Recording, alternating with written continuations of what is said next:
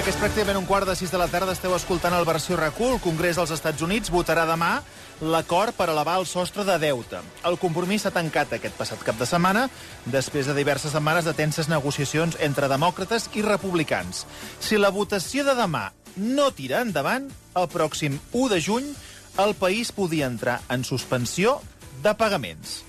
Tot plegat li preguntarem al Xavier Sala i Martín, catedràtic d'Economia de la Universitat de Colúmbia i autor de la Sabana a Mart, l'economia de la intel·ligència natural. Xavier, bona tarda. Hola, molt bona tarda. Gràcies per atendre'ns, Xavier. Mira, vaig a fer... Eh, vaig a començar al revés. I m'agradaria que m'expliquessis per què el que ens comentaràs avui, el que ens explicaràs avui, ens pot afectar a tots.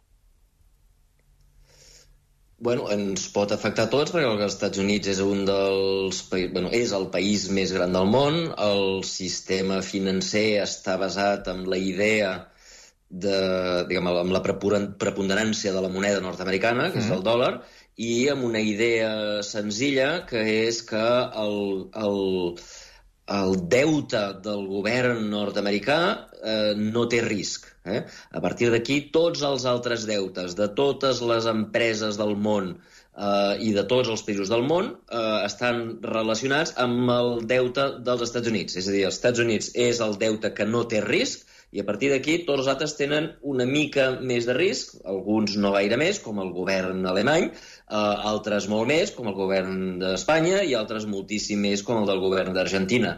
Uh, però la base sobre el que es fonamenta el sistema financer és que el deute que emet el govern americà no té risc d'impagament. I uh, si el govern dels Estats Units de sobte no només no tingués diners per pagar, perquè el Congrés no li aprova eh, que pagui, eh, sinó que més decideixi que el que, deci el que no paga és el deute, és a dir, si el govern americà decidís de sobte que no paga els interessos, aleshores aquesta idea de que el deute nord-americà no té risc d'impagament, desapareix, i per tant tot el sistema financer, tota, tota l'estructura del sistema financer col·lapsaria. Estaríem parlant, per exemple, de caiguda de borses a nivell mundial? Sí, però, a veure, eh, jo, jo eh, ni, deixem en el principi perquè, perquè no és tan... no és el que sembla, eh? Mm -hmm. uh, deixem començar perquè, diguem, que, que, de què estem parlant? Ah, exacte. No? De què estem parlant? Uh, a veure, els governs, els governs eh, tenen uns ingressos, que normalment venen dels impostos, i tenen unes despeses, no? Paguen salaris de funcionaris, mm. paguen eh, jo sé, eh, despesa militar, etc etc. no? Si el que gasten és més gran del que ingressen, eh, si volen gastar més de tot, de tot, el, de tot el que recapten amb impostos, aleshores han de demanar prestat, i això és el que diem deute. Eh? Mm. Eh, als Estats Units, a diferència d'altres països, eh, entenen una cosa que és fonamental però que molt sovint els governs no entenen i és que els diners són de la gent. Els diners que administra el Pedro Sánchez no són del Pedro Sánchez, no són del Partit Socialista, no són del govern espanyol, ni tan sols són de l'estat espanyol, i el mateix passa amb els de la Generalitat, són dels ciutadans eh, que són els que li donen diners en el govern a través dels impostos sí. perquè els administri. Uh -huh. Això els Estats Units ho tenen molt clar. I és per això que des de, diguem, de, des, des de que es va fer la Constitució es va dir, escolta'm, cada vegada que el govern vulgui demanar prestat, ha de demanar permís als ciutadans perquè aquest préstec s'haurà de tornar, i qui haurà de tornar el préstec no és ni el president, ni el ministre, ni ningú. Qui haurà de tornar els calés són els ciutadans amb els seus impostos. I, per tant, van posar a la Constitució que eh, havien de demanar, per cada vegada que demanessin un préstec, havien de demanar permís als propietaris, que són els ciutadans. Eh? Això ho van fer als Estats Units. El que passa és que de seguida es van adonar, de, de seguida no, eh? Va, diguem, 100 van passar, anys sí, tard, van pensar uns anys, sí. Sí, l'any 1917, amb la Primera Guerra Mundial, la Primera Guerra Mundial, clar, el govern ha de gastar molt, no té prou calés per gastar en, en, en cosa militar, i aleshores eh, eh, han d'anar demanant prestat contínuament, no? Ara volem un tanc, eh, doncs vinga, proveu-li un préstec per un tanc. Ara volem un altre tanc, doncs vinga, aproveu-li un, un, un préstec per un altre tanc. Eh, I van veure que això no era factible i aleshores es van inventar una fórmula. Vull dir, mira, saps què? Hmm. Farem una cosa que anomenarem el sostre fiscal. Uh hmm. -huh. És a dir, tu podràs demanar mil milions de dòlars. Eh? Uh, a partir d'aquí, un cop uh, tu tinguis un deute de mil milions de dòlars, sí. si vols demanar una mica més, hauràs de demanar permís. És a dir, haurem de posar un altre sostre fiscal, t'haurem d'aprovar, el Congrés haurà d'aprovar un altre sostre fiscal de 2.000 milions o de 3.000 milions o de 4.000 milions. És a dir, que s'ha de demanar eh, permís per un endeutament. Sí, però per un límit, no, no, Per un no límit. endeutament per endeutament. Eh? No és com nosaltres diguem, que hem de demanar al pare o, o, a la, o, a la, o a la família, ens hem de reunir i dir, "Mira, ara demanem un préstec pel cotxe, ara un préstec per la casa, ara un préstec per un electrodomèstic. No. Eh, diguem, escolta, tu pots demanar un préstec de 100.000 euros i, a- i amb això fas el que vulguis, però no m'emprenyis fins que arribis a 100.000. Un cop arribis a 100.000, pro, apro, decidirem si aprovem 200.000. Val. Eh? És a dir, no préstec a préstec, no, no a partida a partida, sinó que farem un sostre, un límit. Eh? I aquest límit s'ha anat pujant i pujant i pujant.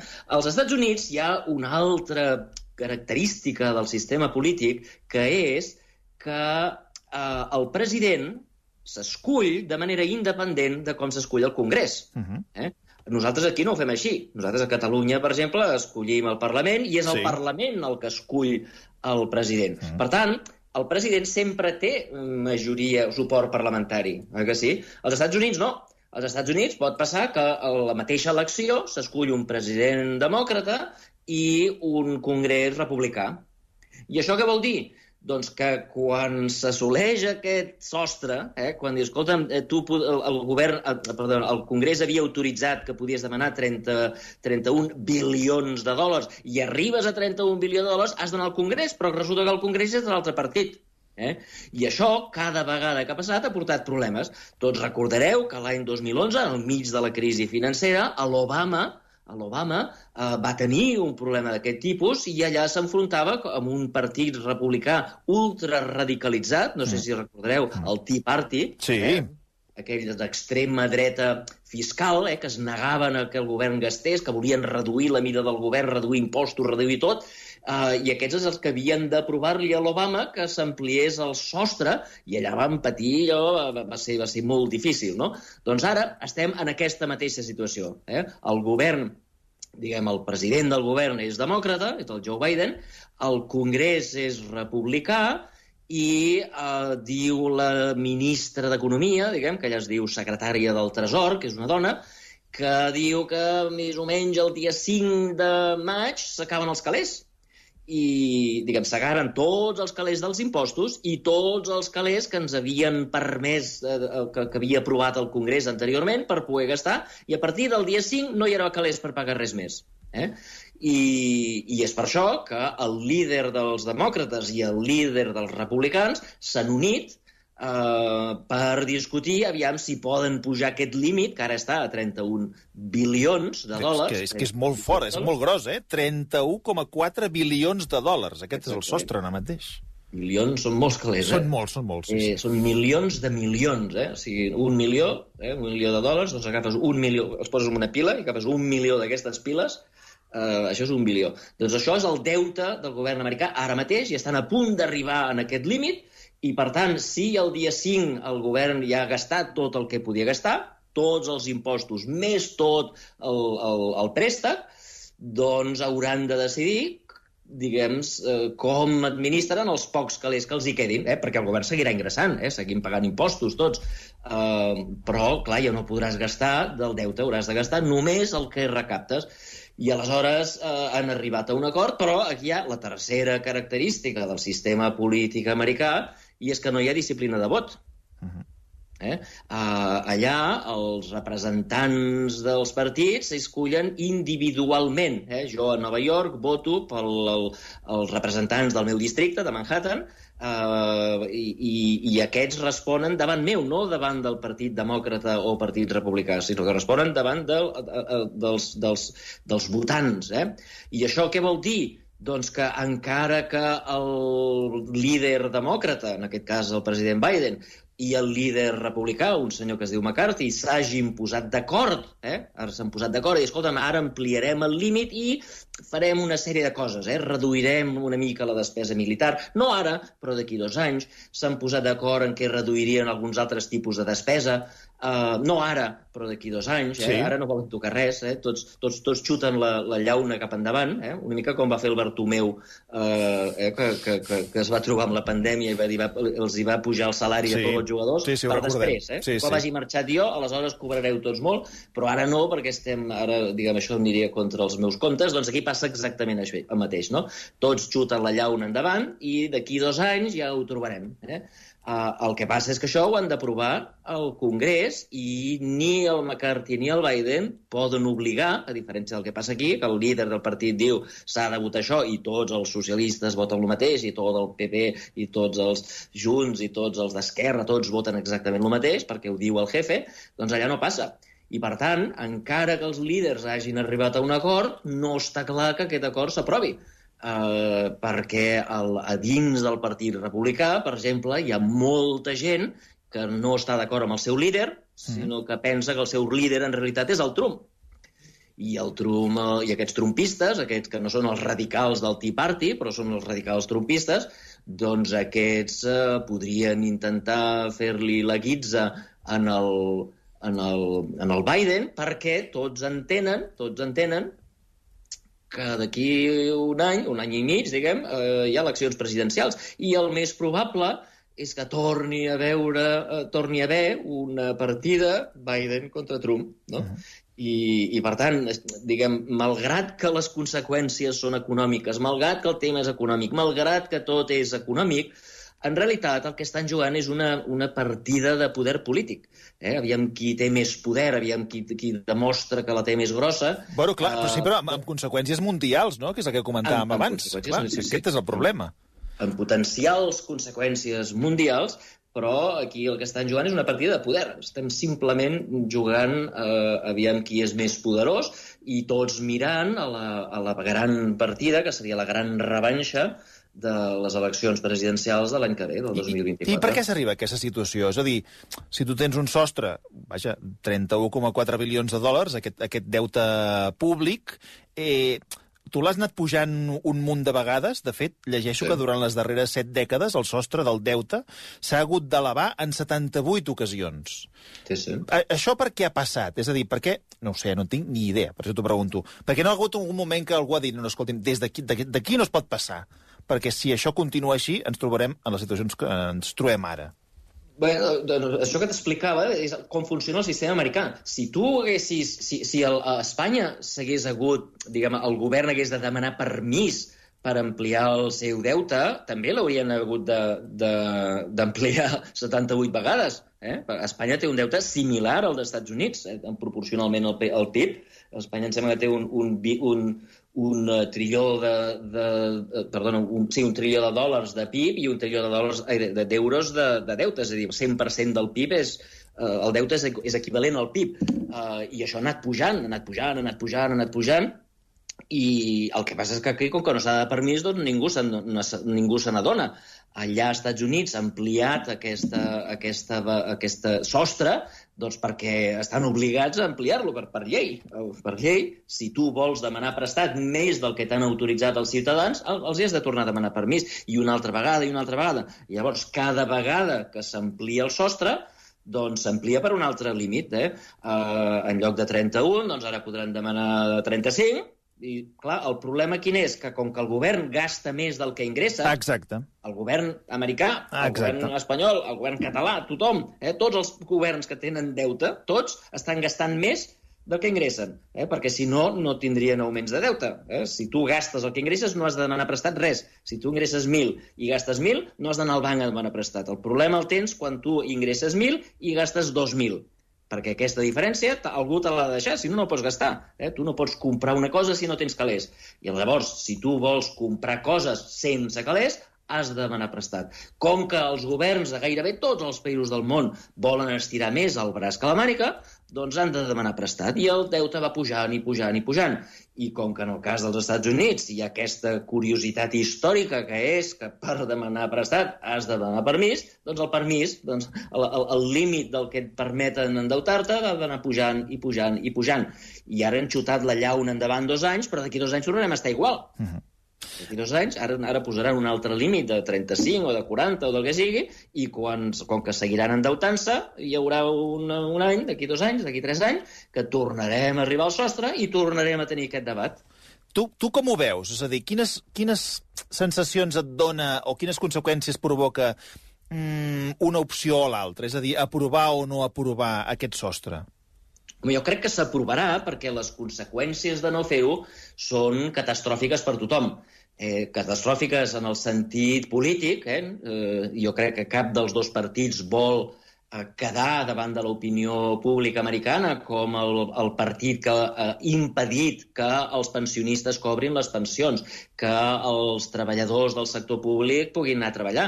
Perquè, clar, quan els treballadors del sector públic no van a treballar, qui pateix les conseqüències són els ciutadans. Eh? Per exemple, se't caduca el passaport, doncs vas a l'oficina de passaports i està tancada perquè no poden pagar els salaris, perquè no tenen, no tenen permís i, i, i per pagar els salaris i, per tant, tu et quedes sense passaport. O et quedes sense permís per poder edificar, i, o et quedes sense permís per poder crear una empresa, i per tant es comença a paralitzar tota l'economia simplement perquè el govern, que necessita, que, que s'encarrega de donar permisos i de donar, eh, de donar eh, diguem, serveis, la policia, eh, la meitat dels policies hauran d'anar a casa, els bombers hauran d'anar a casa, és a dir, que es pot crear una, una catàstrofe que els ciutadans la patiran i aleshores, clar, si tothom veu clar que la culpa és dels republicans, doncs això eh, tindrà conseqüències electorals. I ningú vol que ser vist com un irresponsable, yeah. i per tant jo crec que s'arribarà a un acord. Ara bé, eh, els trumpistes, que en aquest moment són el perill, no? de, que, perquè no volen eh, ser vistos com a gent que ajuda a l'esquerra, a l'extrema esquerra, que diuen ells, del Biden, i, i, i no, no volen ajudar-li a, a fer aquestes despeses amb, amb, eh, en medi ambient i amb coses que ells pensen que són una, una, un, tirar els calés a les escombraries, doncs, eh, com que ells no volen ser vistos per això, doncs és possible que aquests doncs, acabin votant que no, i depèn, no, no sabem ara mateix quants són, eh? no sabem quants trumpistes irresponsables hi ha en contraposició a trumpistes responsables. No ho sabem. Ara bé, deixa'm dir una cosa. Sí i és que les conseqüències, si llegiu els diaris, eh, molts diran això, això que dèiem abans, no? que eh, el, el, immediatament el govern americà farà fallida i, i això pujarà la prima de risc i tal i qual. Um, això no és veritat. Eh? Això, això el que hem dit abans, i si, si, si repasseu les meves paraules, és que eh, és possible que això passi, però això és decisió del govern. Eh? El límit del deute, el que diu és que no pots demanar prestat. Eh? Però el govern segueix ingressant. Eh? Els americans seguim pagant impostos, escolta, millor seguim consumint, i segueix venint a l'IVA, i segueix venint a l'IRPF, i el govern segueix ingressant. I tots aquests calés que va ingressant, que són molts bilions també, eh? Eh, doncs aquests els pot anar gastant. El que sí que passarà és que el govern ara, el Biden, haurà de prioritzar el que el Biden no pot fer és gastar ni un euro més del que ingressa. Perdona, ni un dòlar més del que ingressa. Eh? Sí. Ni un més, perquè no pot demanar prestat. Ara bé, uh, pot decidir doncs, que, jo què sé, que tanca els parcs nacionals per poder pagar el deute.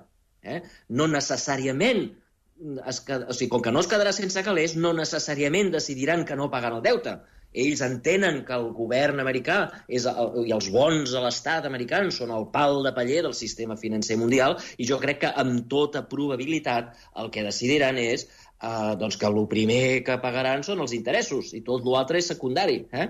Uh, és que sobre uh, aquesta situació, eh, eh, sobre els adjectius que hi estan posant, Ara estem comentant què pot passar si el Congrés no aprova aquest acord per elevar el sostre de deute.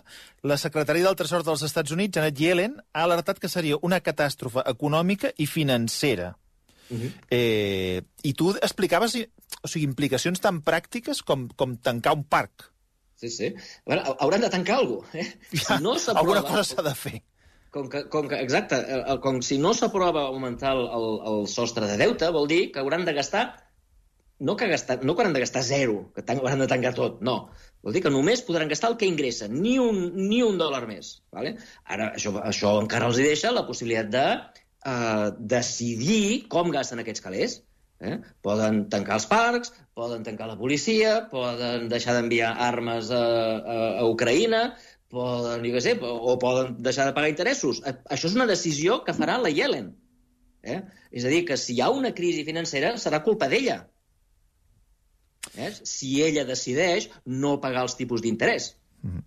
Entens? Si ella crea un pànic, si es crea un pànic bancari serà perquè ella ha prioritzat, doncs jo què sé, donar les, els tancs a Ucraïna en lloc de pagar els tipus d'interès. Això és una, una cosa que decidirà el govern, no ho decideix el sostre de deute. El sostre de deute diu que tu no pots gastar més del que ingresses, no et diu que no pots pagar els interessos. I per, ah. per acabar amb aquesta situació, eliminar aquest sostre de deute? És a dir, deixem de funcionar d'aquesta manera? O sigui, no, no tenim sostre de deute? Això es podia fer? Sí, però això el que faria seria disparar encara més el deute. Llavors passaria com passa a Espanya, eh, que el, el, el Sánchez gasta el que li surt de les pilotes i, i vinga, i gastem, i gastem, i gastem, i el deute va pujant i pujant i pujant, i si no us agrada, doncs us foteu, no? Uh, perquè a, a, a Espanya, diguem, la, la concepció que hi ha és que els diners són del govern. El govern recapta, el govern s'ho queda i és del Sánchez. Però no, no és el Sánchez, és dels ciutadans. I, per tant, el Sánchez ens haurà de demanar permís a nosaltres si pot demanar prestat perquè el, ell marxarà, ell el fotran fora. Home. No sé si en aquestes eleccions sí. o a les següents, però ell deixarà de ser president i qui pagarà les factures serà sereu vosaltres, que sou els contribuents espanyols? Jo t'he de preguntar, és a dir, Sánchez gasta el que li surt de les pilotes. Sí. No, sí, és, és a dir, no, no té un límit, no té un sostre. Si, si, ell, si, ell vol, si ell vol augmentar el dèficit... Eh, o sigui, això no és ben bé així, perquè té una supervisió, tot i que no és eh, legalment, eh, diguem, eh, dura, que és que té una, una supervisió d'Europa. Eh? Europa li diu, no, no podeu gastar més, però ja sabem què passa, que Europa et diu, solo puedes aumentar la, la deuda en un 3%, es gasten un 4,5% i, i Europa què fa? I diu, ah, vale, bueno, pues, no? l'any que ve no et passis, eh? Aquest any, aquest any vale, però l'any que ve no, eh? I l'any que ve es torna a passar. Eh? Tu recordeu el Montoro, que el tenia uns límits d'Europa i se'ls passava pel forro cada any. Uh, aquí no, aquí és una cosa legal. Als Estats Units és una cosa legal. Si tu, uh, diguem, a la que arribes en aquest límit de deute, no tens l'autoritat legal per anar al banc a demanar un préstec. No pot. El govern, el Biden no té la possibilitat de demanar un préstec. I seria il·legal que ho fes. Val? Per tant, és, és, és una, una restricció molt més dura que no pas la que té, uh, la que té uh, Europa. I aquesta situació per què s'hi arriba als Estats Units? Per això que et deia, perquè això està a la Constitució, els pares de la Constitució diuen, escolta'm, aquí el, el, el, el govern que no es pensi que els calés són seus, eh? els calés són nostres, dels ciutadans. Uh, I, per tant, si volen estirar més el braç que la màniga, i a vegades és important estirar més sí, el braç que la màniga. Però és per un augment de preus, eh, o sigui, per, per què s'està demanant eh, més, més sostre? Bé, perquè els governs normalment volen gastar més, més, més, perquè les seves possibilitats electorals venen de, de Sí, però per què es vol gastar, gastar més? Per què es necessiten més diners? Bueno, no sé si es necessiten. Per ah. exemple, un, la primera cosa que va fer el Biden arribar al govern és gastar uh, 1,9 bilions, eh, d'aquests 31, 1,9 bilions va ser un regal que ell va donar als ciutadans que el va dir un bonus de pandèmia. Eh? La pandèmia ja havia acabat, per cert, mm. quan va arribar ell, eh? Uh, però va dir 1,9 bilions, és a dir, un xec a cada americà, perquè puguin gastar, igual que els europeus doncs han fet això, aquests programes de, de com es diuen, els Next Generation, no? Sí, que són, exacte. Que són bàsicament regalar calés a les empreses de l'IBEX perquè puguin, eh, puguin gastar eh, amb els programes que ja van a fer, doncs, escolta'm, eh, doncs el Biden va fer una cosa similar, però molt més bèstia. El Next Generation per a tota Europa són 700.000 milions, eh, 700.000 milions Uh, doncs això gairebé el triple és el que va fer el Biden i això que el, el, el Trump ja n'havia fet dos d'aquests programes, no? Doncs, doncs uh, bueno, van gastar molts calés durant la pandèmia. Per cert, aquesta és una de les causes de la inflació. Eh? Tot això va fer augmentar la demanda d'una manera brutal i quan la demanda puja més que l'oferta, tots sabeu que pugen els preus. Uh, I, per tant, per, per què ho va fer? No ho sé, això són els polítics. També va dir que faria unes grans inversions amb eh, jo què sé, fàbrica, 40.000 milions en fàbriques de microchips. Per què? Doncs perquè, com que hi havia pandèmia i resulta que un moment van confinar Taiwan i ens vam adonar que, ostres, no podem dependre dels microchips de Taiwan perquè si no hi ha microchips aquí no podem fabricar cotxes, doncs, escolta'm, fàbriques aquí, però les fàbriques diuen no, és que a nosaltres no ens interessa fabricar aquí perquè als Estats Units els salaris són massa alts, no volem fabricar, però volem fabricar a Taiwan. I llavors el govern americà diu, bueno, si fabriqueu aquí us dono 40.000 milions. Vinga, doncs més calés. Uh, m'entens? I, I els governs, de la manera de gastar, i ara pugen els salaris, i ara pugen el, uh, fan una carretera, no? Els governs gasten, um, i, i molt sovint, doncs, gasten, les despeses són uh, electoralistes, no? Tots hem vist aquests dies, doncs, que la que s'apropaven les eleccions, doncs, s'accelera la despesa dels ajuntaments, Uh, per demostrar que ells han fet moltes coses, no? I ara fan parcs, i ara fan superilles, i ara fan no sé què, Uh, per què ho fan? No, no ho sé. Jo no sóc politòleg, però els, els, els governs es dediquen a gastar. I tots aquests calés d'on venen? Doncs una part venen dels impostos i una part venen de demanar prestat. I molt sovint els governs volen gastar més que no pas ingressen perquè quan tu gastes més obtens més vots, però quan ingresses més, quan puges els impostos, perds vots. Eh? La gent no li agrada que els, que els pugin els impostos. Uh -huh. I, per tant, la solució fàcil és gastar més sense ingressar més, és a dir, eh, tenir un dèficit. I aquest dèficit doncs, s'ha doncs, de, de demanar prestat. I, i així, i com que aquest, aquest eh, demanar prestat s'acumula amb el que va de demanar prestat l'anterior i el que va demanar l'anterior i l'anterior l'anterior, doncs encara estem pagant aquí els deutes del, del Montoro de fa 15 anys eh, perquè els governs es dediqen a gastar més del que ingressen. Crec que s'ha entès perfectament.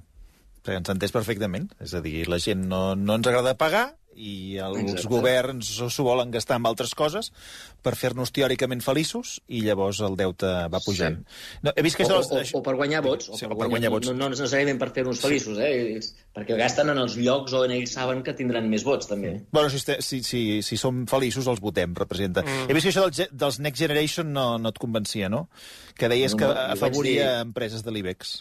No, no, jo, jo vaig dir, en el, però fa ja molts anys, al mig de la pandèmia, deia que el que havien de fer era ajudar els restaurants. Aquí el problema que hi havia era que hi havia un sector que se l'obligava a tancar les portes, restaurants, bars, eh, discoteques, hotels, no? Que per raons sanitàries jo entenc que en aquells moments no podíem tenir restaurants oberts i hotels oberts i per tant perquè la pandèmia diguem es feia, anava pitjor cada vegada que, que hi havia contactes humans i per tant des del punt de vista sanitari els obliguem a tancar però clar si tu obligues a tancar un negoci l'has de compensar d'alguna manera. I per tant el que havíem d'haver fet era mantenir viva tota una xarxa d'empreses, restaurants, eh, restaurants, bars, tot això, eh, vius durant la pandèmia, per després, quan s'ho tornés a obrir, doncs que estiguessin vius i no haguessin, veiéssim la ciutat amb la meitat dels restaurants tancats, no? en lloc de fer això, el que van fer va ser doncs, no ajudar ningú, Espanya, eh, a França i a Alemanya i altres països sí que van ajudar, però a Espanya no es va ajudar ningú. Els, els restaurants que van voler sobreviure els van omplir a deutes, els hi van dir us donem un crèdit, un ICO, Uh, I aleshores, quan va venir els calés per ajudar, no? per els, els, els calés de la pandèmia, en lloc de donar-los en aquests restaurants, que eren els que havien perjudicat i eren els que ho necessitaven, doncs es va fer una, una farsa que era, doncs escolta'm, aquí el que farem, farem, farem uns, és una economia moderna. I una economia moderna vol dir una economia verda i sostenible i tota la pel·lícula. Uh, però què passa? que aquí el que va passar doncs, és que el, una part dels fons Gen Next Generation van anar, per exemple, a parar a Artecho, on el senyor més ric d'Espanya, l'Amancio Ortega, de Zara, ja tenia planejat fer un nou centre logístic, però li va posar uns panells solars, va dir que, mira, doncs és un centre logístic que a més és verd, doncs escolta, en lloc de pagar-lo tu, que és el tio més ric d'Espanya, ho pagarà a Europa Europa vol dir els contribuents europeus, entre els quals esteu vosaltres, que mm. també acabareu pagant tot això, és a dir, pagaran els contribuents al centre de distribució d'una de les empreses més riques d'Espanya, que és propietat del senyor més ric d'Espanya, i el pobre senyor eh, i la pobra senyora que tenen un bar a Barcelona, aquests els deixarem que s'arruïnin i, i que se'n vagin a Norris, no? Com ha passat, eh? milers de restaurants a tot arreu han, han hagut de tancar, però el senyor Mancio Ortega té el, seu, el nou centre de distribució eh, això sí, amb panells solars i sostenible, i per tant eh, paga el contribuent. I jo això, la veritat, no entenc. No entenc quin avantatge, perquè aquest centre l'haguéssim tingut igualment, eh? Mm -hmm. És a dir, eh, dius, no, és que Espanya ara tindrà un centre de distribució molt més modern. Sí, sí, però sense aquest ajut també l'haguéssim tingut, perquè ja l'estava fent aquest senyor. Eh, és a dir, no ha canviat res. L'únic que ha fet és que en lloc de pagar-lo ell i els seus accionistes, el pagues tu. Vosaltres, tots els que m'esteu escoltant, pagueu els calés el, la, la inversió que ha fet el senyor Amancio Ortega a, a Artecho. Doncs enhorabona. Doncs enhorabona els premiats, que es deia sí. abans. Xavier, eh, escolta'm, com que tenim confiança, i com que et vaig a fer una pregunta que no requereix tenir ni una informació ni, ni cap qüestió de privilegi, eh, avui estem preguntant per Messi, i estem preguntant si, si el veieu a la temporada vinent a Can Barça. Tu, tu mm, allò, com a aficionat, eh? Com ho eh, veus? Què vol dir si el veieu? Sí, si sí. creiem que vindrà sí, o si veiem sí. que és bo que vingui? Si creus que vindrà. I... Jo fins fa una setmana creia que sí que vindria. Mira, és que Però... just, és just el que han opinat eh, la tertúlia que hem fet fa poc, que hi ha hagut sí. com un canvi, de, de, no? com Però, una sí, muntanya eh, russa. Però és que ells mateixos, la gent del seu entorn, no sé si és possible que estiguin posant pressió al Barça perquè mogui fitxa, o cosa que no pot fer perquè el Barça no pot moure fitxa, perquè a diferència del Pedro Sánchez, el Barça sí que té un sostre de deute que, que li posa el Tebas, eh, i per tant el Barça no pot gastar sense el permís del comissari, doncs això no... Clar, fins que el comissari no digui sí, podeu fer contractes, doncs eh, no li poden fer cap oferta formal al Messi. Si el Messi té pressa, doncs no vindrà, perquè el, i a mi em dóna la impressió que no sé per què, eh, tampoc entenc massa, eh, el Barça ha presentat un programa, diguem que diguem, financer, que jo quan el vaig veure el vaig, en dues hores el vaig entendre. No sé per què aquesta gent de la Liga han de tardar tres setmanes a entendre'l. Eh, deuen ser més lents, no sé. Potser els hem fet arribar amb una lletra molt petita, que de vegades igual, passa també igual, això, la sí, tipografia. que... Ulleres. Clar, el canvia. Bueno, tu no ho veus, no? Eh, a veure eh, si el Messi té pressa no vindrà. Aquí sí, el Barça no podrà... És que el Barça està lligat. El Barça és el, és, el, és el Biden ara mateix, no? Està lligat de mans i peus i la llei diu que tu no pots gastar ni un euro sense el permís dels comissaris de Madrid. Bueno, però llavors aquí, que és la que comentàvem fa un moment, li treuen la part eh, sentimental, no?, de dir, bueno, eh, mm, potser farà un esforç o tindrà sí, paciència sí. per acabar aquí el Barça, no? Sí, no sí, sé. però el, el problema és que eh, ja li van demanar paciència, recorda, l'estiu de fa dos anys, paciència el mes de juny, paciència el mes de juliol, i, escolta'm, es va fer l'agost i no hi havia manera de, de que el Tebas eh, cedís, i al final no va, no va ser possible, perquè no va ser possible, perquè no hi havia impossible, eh, impossible acomodar el salari del Messi amb, los autoritzes, amb el que tenies autoritzat. Eh, jo, una altra pregunta que algun, un dia a la tertúlia pregunteu-los com, com collons ens hem fotut amb aquest lío. Uh, això no és una cosa que la UEFA no passa a cap altre país a Anglaterra no tenen a un senyor Tebas que no té ni idea, no té ni idea de res, que és un fanàtic religiós que, que surt a la tele cada dia insultant a tothom i, i, i, que, i que aquest tio és el que controla l'economia de cada club. O sigui, un micromanagement, allò, decideix a cada un, tu pots comprar això, pots comprar aquest, pots comprar l'altre, jo t'autoritzo. Uh, això no són les regles del fair play de la Lliga, ai, de la Lliga, de la, de la UEFA per què a Anglaterra i a França i a Alemanya tenen unes regles diferents? Per què Espanya està molt més controlat i està controlat abans de que passi? És a dir, que, que aquest senyor pot impedir que tu compris jugadors, pot impedir-ho a la UEFA el que diu és que tu eh, eh, dos anys després en mirarem enrere i direm, escolta'm, et, et vas passar fa dos anys multa per haver-te passat, vale? però no va la UEFA el dia abans i dir, no, no, aquest no pots fitxar i aquest sí, i ara no t'aprovo aquest i aquest ha de jugar al Barça B i a més surt a la tertúlia de no, no sé quin programa de Madrid a explicar-ho a tothom i, i, això és una cosa que a mi, o la, els tertulians aquests que en saben, pregunteu-los algun dia. O sigui, com collons hem arribat aquí? Mm. O sigui, com és que aquest energumen té aquest poder? O sigui, per què li hem donat aquest poder? O sigui, com s'ha arribat en aquesta situació que és enormement perjudicial per la, per la, per la Lliga mateixa? O sigui, la teoria, fixeu-vos, la teoria era que la, que la, la Lliga seria més competitiva, no? que el problema és que sempre hi havia el Barça i el Madrid a dalt i que volien que hi hagués més equips, no? com Anglaterra, que n'hi ha sis o set que cada any lluiten per la, pel títol. No? Bueno, eh, mires els últims anys i, i, i segueix havent-hi dos equips, si en lloc d'haver-hi competència dalt, ara, ara les hòsties estan per no baixar a segona divisió, ara hi ha una competència a baix que, escolta'm, que, que, que tothom està a punt de baixar. Eh, això és el que ha aconseguit aquest senyor. Uh, per tant, escolta'm, que s'ho fotin mirar d'una vegada perquè és, és, és, és realment un esperpent que, insisteixo, no són normes de la UEFA. Eh? O sigui, Espanya té unes normes molt més estrictes que les que imposa la UEFA. I la pregunta és per què Espanya s'està tirant, la Lliga Espanyola s'està tirant un tret al peu, posant en mans d'aquests senyors que no saben res a, a tots els clubs, a tots els clubs de primera i a tots els clubs de segona. Per què, a sant de què, aquest senyor és el que decideix si el Messi pot venir o no pot venir? A mi això se m'escapa, però segur que els tertulians algun dia us donaran una bona explicació i aleshores jo m'apuntaré a escoltar-los i aplaudiré. Jo vaig adoptar que tu se t'escapi. L'altra cosa és que entenc que tens les teves opinions, i però segur que tu tens alguna resposta a aquesta llarga pregunta i interessant pregunta que t'estaves fent. Alguna, alguna idea deus tenir. Segurament, però no... no... però no ens la dirà. Això ja ho parlarem un altre dia. Xavier, moltíssimes gràcies. Una Vinga, forta abraçada. Gràcies a vosaltres. Adéu-siau.